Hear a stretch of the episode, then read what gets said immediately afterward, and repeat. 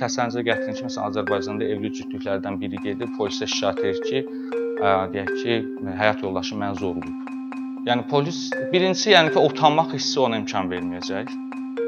İkincisi qorxacaq ki, o ə, bunu ciddi qəbul eləməyəcəklər və bunu araşdırmayacaqlar. Yəni mif burada görürsüz ə, bu şəkildə işləyir.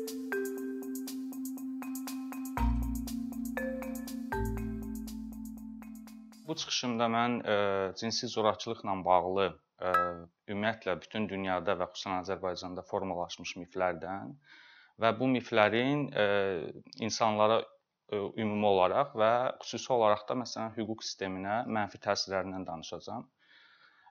Burada məsələ odur ki, bu cinsi xarakterli zorakılıq ümumi götürülür termin olaraq və orada açması olanda orada zorlama var, zorlanmağa cəhd var və digər seksual xarakterli hərəkətlər ki, bu bizim qanunvericiliyində də göstərilib və onlar e, necə hansı formada təsir eləyir ki, bu e, cinayət hadisələrini açmağa necə mane olur? Bir məs problemli məsələlərdən biri budur. İkinci məsələ ə, ümumiyyətlə bu hüquq sisteminin və onun aktyorları deyək ki, müstəntiqlər, ittihamçılar, ə, ə, prokurorlar, ə, daha sonra ə, vəkillər, hakimlərin özləri bu mənfi e, stereotiplərdən və yaxud da miflərdən necə təsirlənir və onların qərarlarına necə təsir eləyir? Ümumiyyətlə onu deyim ki, terminoloji e, e, problem yaşamamaq üçün mən zorlama, zorlamaya cəhd və seksual xarakterli digər hərəkətləri mən cinsi zorakılıq adında verəcəm. Təbii ki, onların arasında xüsusən cəzalandırma məsələsində fərqləndirmələr böyükdür, amma ümumi olaraq çıxışın daha aydın və səlis olması üçün mən çalışacağam bunu cinsi zorakılıq şəklində istifadə edeyim. İlk öncə ondan başlayım ki, bu miflər ümumiyyətlə cəmiyyətin e, cinsi zorakılıqla bağlı fikirləri, ümumi ümumi baxışları yanlışdır. Amma bu hüquq təkcə bunu həll edə bilməz. Yəni bu bu məsələnin kökləri yəni hüquq sisteminin kənarındadır. Sosial, kulturoloji və digər səbəbləri var.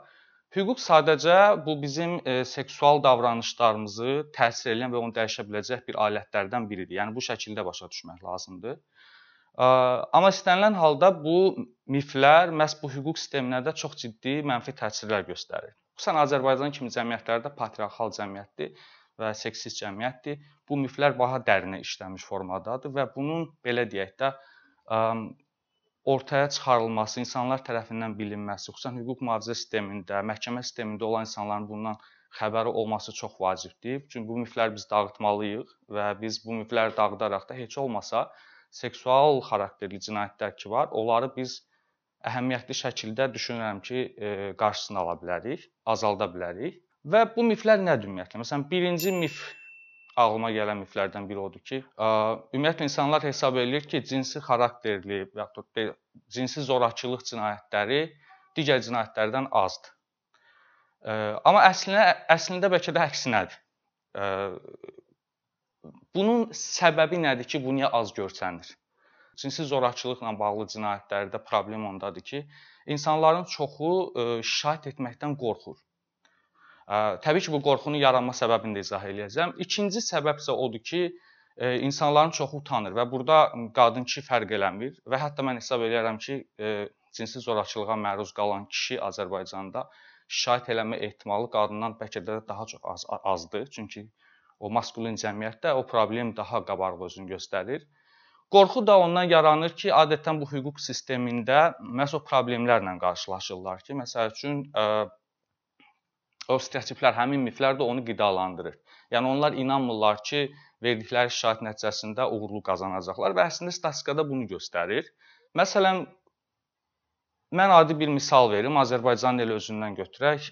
BMT-nin deyəsən əhali fondu, Ailə, Qadın, Uşaq Problemləri üzrə Komitə və digər iki qurum var ki, orada xatırlamıram. Onlar 2018-ci ildə gender bərabər genderlə bağlı bir hesabat hazırladılar. 2018-ci il hesabatıdır və o hesabatda belə bir bölmə var idi ki, sual sual sorğu şəklində verilmişdi və orada 1000 1000-ə yaxın insan respondent var. Böyük əksəriyyəti səhv eləmirəmsə kişi idi, qalanları qadın idi. Onlara o sual verilmişdi ki, sizin ümumiyyətlə son ildə və ümumiyyətlə həyatınızda cinsi zorakılıq etmisinizmi və yaxud da məruz qalmısınızmı? Kişilərin 30% demişdi ki, bəli, mən hazırki münasibətdə olduğum, keçmiş partnyorum və yaxud evli münasibətdə olduğum qadından o cinsi cinsi əlaqədə olmağa məcbur eləmişəm. Qadınların isə 17%-i ümumiyyətlə buna məruz qaldığını deyirlər. Adicə məsələn bu bunu belə mikro sorğu kimi götürsək, təbii ki, bu ümumiləşmiş baza deyil, amma bu 1000 nəfərin içində, 1000 nəfərin içində 30% insan və 17% 30% kişi, 17% qadın e, bu buna bunu təsdiqləyirsə, artıq burada əslində cinsi zorakılıq cinayət aktı var. Sadəcə bu e, üzə çıxmır. Yəni bu onu göstərir ki, e, burada bir problem var. Və yaxud da ikinci mifdən nə ola bilər? İkinci mif odur ki, ə, şahid eləyənlərin əksəriyyəti yalançıdır, e, böhtan atır ə, və ə, bu böhtan ə, digər cinayətlərə şahidlər cinayətinə bağlı cinayət xarakterli şahidlərdə ə, daha çoxdur. Amma əksinədir. Yəni ümumiyyətlə bütün statistikalar göstərir. Mən statistikalara baxanda Britaniyaya, Almaniyaya və digər inkişaf etmiş ölkələrə baxdım. Eləcə də Qafqazda da bu keçərlidir. Orda görünən odur ki, əslində bu tipli şikayətlərdə yalançı şikayət deyək də buna. Bu yalançı şikayətlər əslində digər cinayətlərlə bağlı şikayətlərdən heç də çox deyil. Yəni heç kim durub heç kimi boş yerdən çox zaman ittiham eləmir. Necə ki oğurluqda, necə ki digər ölüm hadisələrində, ölmə, öldürməyə cəhddə və s. Eyni statistika eyni göstərir ki, burada ciddi fərq yoxdur arada. Üçüncü məsəl üçün mif nədir? Üçüncü mif odur ki, deyək ki, cinsi zorakılığa məruz qalan şəxs düşünür ki, müqavimət göstərməlidir zorakılığa məruz qalarkən və müqavimət göstərdiyi üçün onun üzərində izlər olmalıdır. İki və onu ardıcıl olaraq da tibb tibbi ekspertiza tərəfindən onun bu ə, üzərində olan deyək ki, ə, izlər aşkar olunacaqdır. Bu da miflərdən biridir və xüsusən də problem yaradır hüquq sistemində.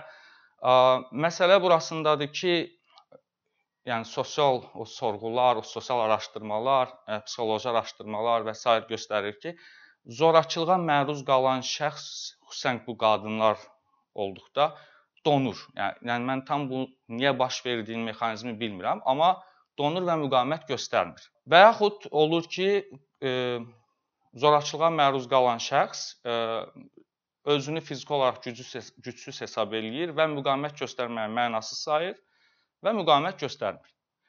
E, və müqavimət göstərmədiyi üçün də heç bir halda ə, e, o sübut eləyə bilmir ki, bu zorakılığa məruz qalıb. Yəni belə bir problemlə üzləşir.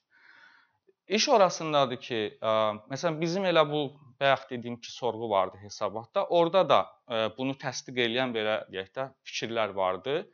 Ə, orada məsələn yadındadır ki, 53% kişi ə, hesab eləyir ki, cinsi zorakılığa məruz qalan şəxs mütləq müqavimət göstərməlidir.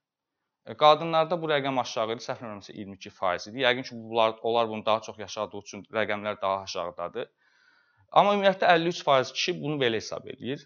Və yaxud da hesab olunur ki, məsələn orada da yenə var, ə, e, rəqəmlər var, rəqəmi qarışdıra bilərəm, amma böyük bir faiz idi. Orada hesab eləyirlər ki, e, kişilər hesab eləyir ki, burada qadınlar ə, e, belə deyək də, razılıq məsələsində deyir ki, onlar bəzən bunu istəyir. Yəni istəyir ki, onun üzərində zorakılıq eləsin. Burada da kişilərin böyük bir qismi hesab eləyir ki, bəzi yox, belə gedir. Bəzi hallarda qadınlar istəyir ki, onlara cinsi zorakılıq edilsin. Yəni belə təxmini ə, ə, ə, yəni buna belə etə təhrik eləyir. Yəni sanki istəmir, amma istəyir kimi kimi yozurlar və kişilər bunu belə hesab eləyir. Rəqəm yadımda deyil. Bu bu bu statistika əslində onu göstərir ki, bu da burada qidalandırır bu mifi. Amma məsələ burasındadır ki, ə, bu məsəl üçün problem yaradır. Məsələn, hüquq hüquq mühafizə sistemində bunu araşdırarkən və təsəvvürünüzə gətirin ki, deyək ki, orada olan şikayətə gəlib baxan polis nəfəri deyək ki, müraciət olunur və ona bununla bağlı bax bu şəkildə şikayət verilir. Deyək ki, polis nəfəri də kişidir. O da eyni qaydada bu stereotiplə qidalanır ki, hə, demək ki, tutalım tibbi ekspertizada müəyyən olunmayıbsa ki, adam üzərində iz yoxdur, artıq o şübhə yaradır şahidçi şəxsdə ki, nətər olub sən müqavimət göstərməmisən. Və yaxud da bunu biz çevirsək, gətirsək təkcə ilk mərhələdə hüquq mühafizə sisteminə yox, lap bunu çıxartsaq məhkəmə sisteminə, məhkəmə sistemində də eyni qaydada hakimin hakimin qarşısına gətirib qoysan ki, ekspertizada cinsi zorakılıq əlamətləri aşkar olunmamışdı və belə bir sübut irəli sürülsə, hakim yenə də qarşı tərəfə belə deyək, şahidinə, şahidçi inanmayacaq. Yəni məsələ ordadır ki, bax bu stereotip qidalandırır. Qidalandırır və nəticədə problem yaradır. Digər mif odur ki, evli cütlüklər arasında cinsi zorakılıq olmur və yaxud da zorlamaya məcbur etmə olmur və ya az olur.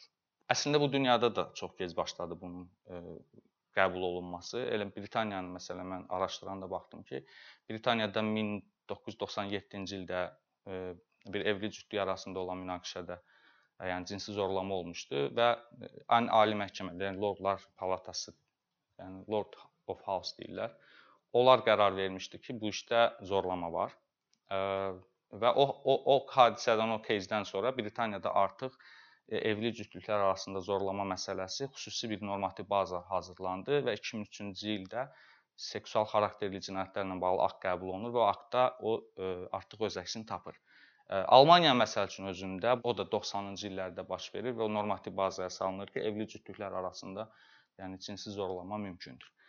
Və ə, Azərbaycanda xüsusi bunun üçün xüsusi spesifik baza yoxdur. Amma siz bir təsəvvürünüzə gətirin ki, məsələn Azərbaycanda evli cütlüklərdən biri gedir, polisə şikayət edir ki, deyək ki, həyat yoldaşı məni zorlayıb. Yəni polis birincisi yəni ki, utanmaq hissi ona imkan verməyəcək. İkincisi qorxacaq ki, o ə, bunu ciddi qəbul eləməyəcəklər və bunu araşdırmayacaqlar. Yəni mif burada görürsüz bu şəkildə işləyir. Növbəti miflərdən biri odur ki, cinsi zorakılıq aktları daha çox yadlar tərəfindən törədilir, nəinki tanışlar. Amma ümumi bütün statistikalar göstərir ki, əksinədir. E, cinsi zorakılığa məruz qalan şəxslərin böyük əksəriyyəti 80-90% rəqəmində dəyişir bu. Britaniyada məsələn mən baxmışdım. Yəni təkcə Britaniyada deyil də, Almaniyaya da baxmışdım. Eləcə də məsələn Qafqaz ölkələrində, məsələn Gürcüstanda, Ermənistanda onların çoxu tanışlar tərəfindən törədilir. Yəni zorlamağa məruz qalan, zorakılığa məruz qalan şəxs tanışları tərəfindən olur. Keçək bunun belə deyək, bu miflərin hüquq sistemində hansı necə əks olunur? Mən iki institutu diqqət ayıracağam. Birincisi qanunvericilik səviyyəsində bu necədir, öz normativ bazada özünü necə əks etdirir. İkincisi e, belə deyək, o hüquq sisteminin, hüquq sistemində olan iştirakçıların, hakimlər və sadaladığım kimi müstəntiqlər, vəkillər e, və digər iştirakçılar ki var, onlara necə təsir eləyir? Birincisi qanunvericilikdə bizim çox maraqlıdır. Mən zorlama məsəl üçün e, zorlamanın belə deyək, definisiyasına baxırdım və orada orada mən belə ağlıma qəfildən gəldi bir cümlə ki, qanunvericiliyimiz utanır sanki ki, ad, ad, adlandırsın zorakılığı cinsi cinsi məsəl üçün hansı e, formada baş verdiyi, cinsi orqanların adı çəkilmir, ümumiyyətlə hansı akt cinsi akt sayılır. Yəni bunun definisiyası yoxdur və orada çox ümumi definisiyalardan istifadə ediblər və əsas da götürüblər məsələn zorlamanı belə təsvir eləyirlər ki, zərər çəkmiş şəxs belə deyək, fiziki zorlama, ya ona zorakı tətbiq etmək, zorakılığa cəhd etmək və onun belə aciz vəziyyətindən istifadə etmək kimi definisiya olunur. Amma orada məsəl üçün beynəlxalq praktikada xüsusən bu məsələlərə ciddi məşğul olan deyək ki, ölkələrdə orada razılıq termini xüsusi önəm daşıyır. Yəni bizim qanunvericilikdə razılıq termini yoxdur. Təbii ki, məsəl üçün dolayı yolla gizlədilmiş formada həmin definisiyanın içində var. Amma təkcə razılıq, e, tərif e, bu açıq ifadə olunmalıdır və onun da belə deyək də e, bu İstanbul konvensiyasında da verilmişdi bunun tərifi. Təxminən belədir ki, şəxsin azad seçim imkanı olmalıdır və bu azad seçim etmək üçün azad olmalıdır və buna qabiliyyəti çatmalıdır. Yəni bizim qanunvericilik bazasında bu təxmin bu termin yoxdur. Və bu terminin olmaması, iki vaxt sadaladım və, və dedim ki, bizdə necə tərif olunur. O geniş belə deyək də diskresion hüquq verir e, bu hüquq hüquq mühafizə sisteminə və hakimlərə ki, onlar e, sərbəst e, şəkildə müəyyən eləsinlər ki, hansı halda zorakılıq olur, hansı halda buna məcbur etmə var, hansı halda deyək ki, şəxsin aciz vəziyyətindən istifadə eləmək. Bunun özü kifayət qədər problemli terminologiyalardan istifadə olunur və mən mən düşünürəm ki, ki zaten statistikalarımız da bunu göstərir ki, cinsi zorakılıqla bağlı cinayətlərin sayı bizdə hökm hissəsi, yəni hökm verilmiş, artıq belə deyək, sübuta yetirilmiş cinayətlərin sayının digər cinayətlərlə az olması onu göstərir ki, burada bir problem var. Yəni orada artıq stereotiplər işə düşür, bu miflər işə düşür və o iştirakçılar həmin cinayətləri belə deyək də aşkarlamaqda bu stereotiplər onlara mane olur. Bu qanunvericilik tərəfindədir və mən hesab edirəm ki, bunu əslində həll yolu elə də çətin deyil. Yəni qanunvericilik bazasını ən azı gender bərabərliyi üzərinə gətirmək üçün, cins və gender bərabərlik etmək üçün biz bu hazırda danışıqlar da gedir. Deyəsən İstanbul Konvensiyasının imzalanmasıdır. Məşəl qadınlara qarşı məsələ onun qarşısının alınmasına bağlı Avropa Şurasının İstanbulda imzalanmış konvensiyasıdır ki, bu artıq indi danışıqlar gedir və istəyirlər ki, o qəbul olunsun. Və o qəbul olunsa əslində çox yaxşı olar, çünki orada artıq bütün belə deyək də terminologiyaya aydınlıq gətirilib orada, orada ümumiyyətlə razılıq məsələsi necə tərif olunmalıdır, o qeyd olunub orada və orada digər məsəl üçün seksual qısnama var ki, onun özü də definisiyası verilir. Və bu bizim normativ bazanın o konvensiyaya uyğunlaşdırmaqla biz onu tamamilə yeniləyə bilərik və eləcə də konvensiya bizim qanunvericiliyin bir hissəsinə çevriləcəyi üçün hakimlər və digər deyək ki, hüquq mühafizə orqanları və məhkəmə məhkəmə sistemi ondan istifadə edə biləcək.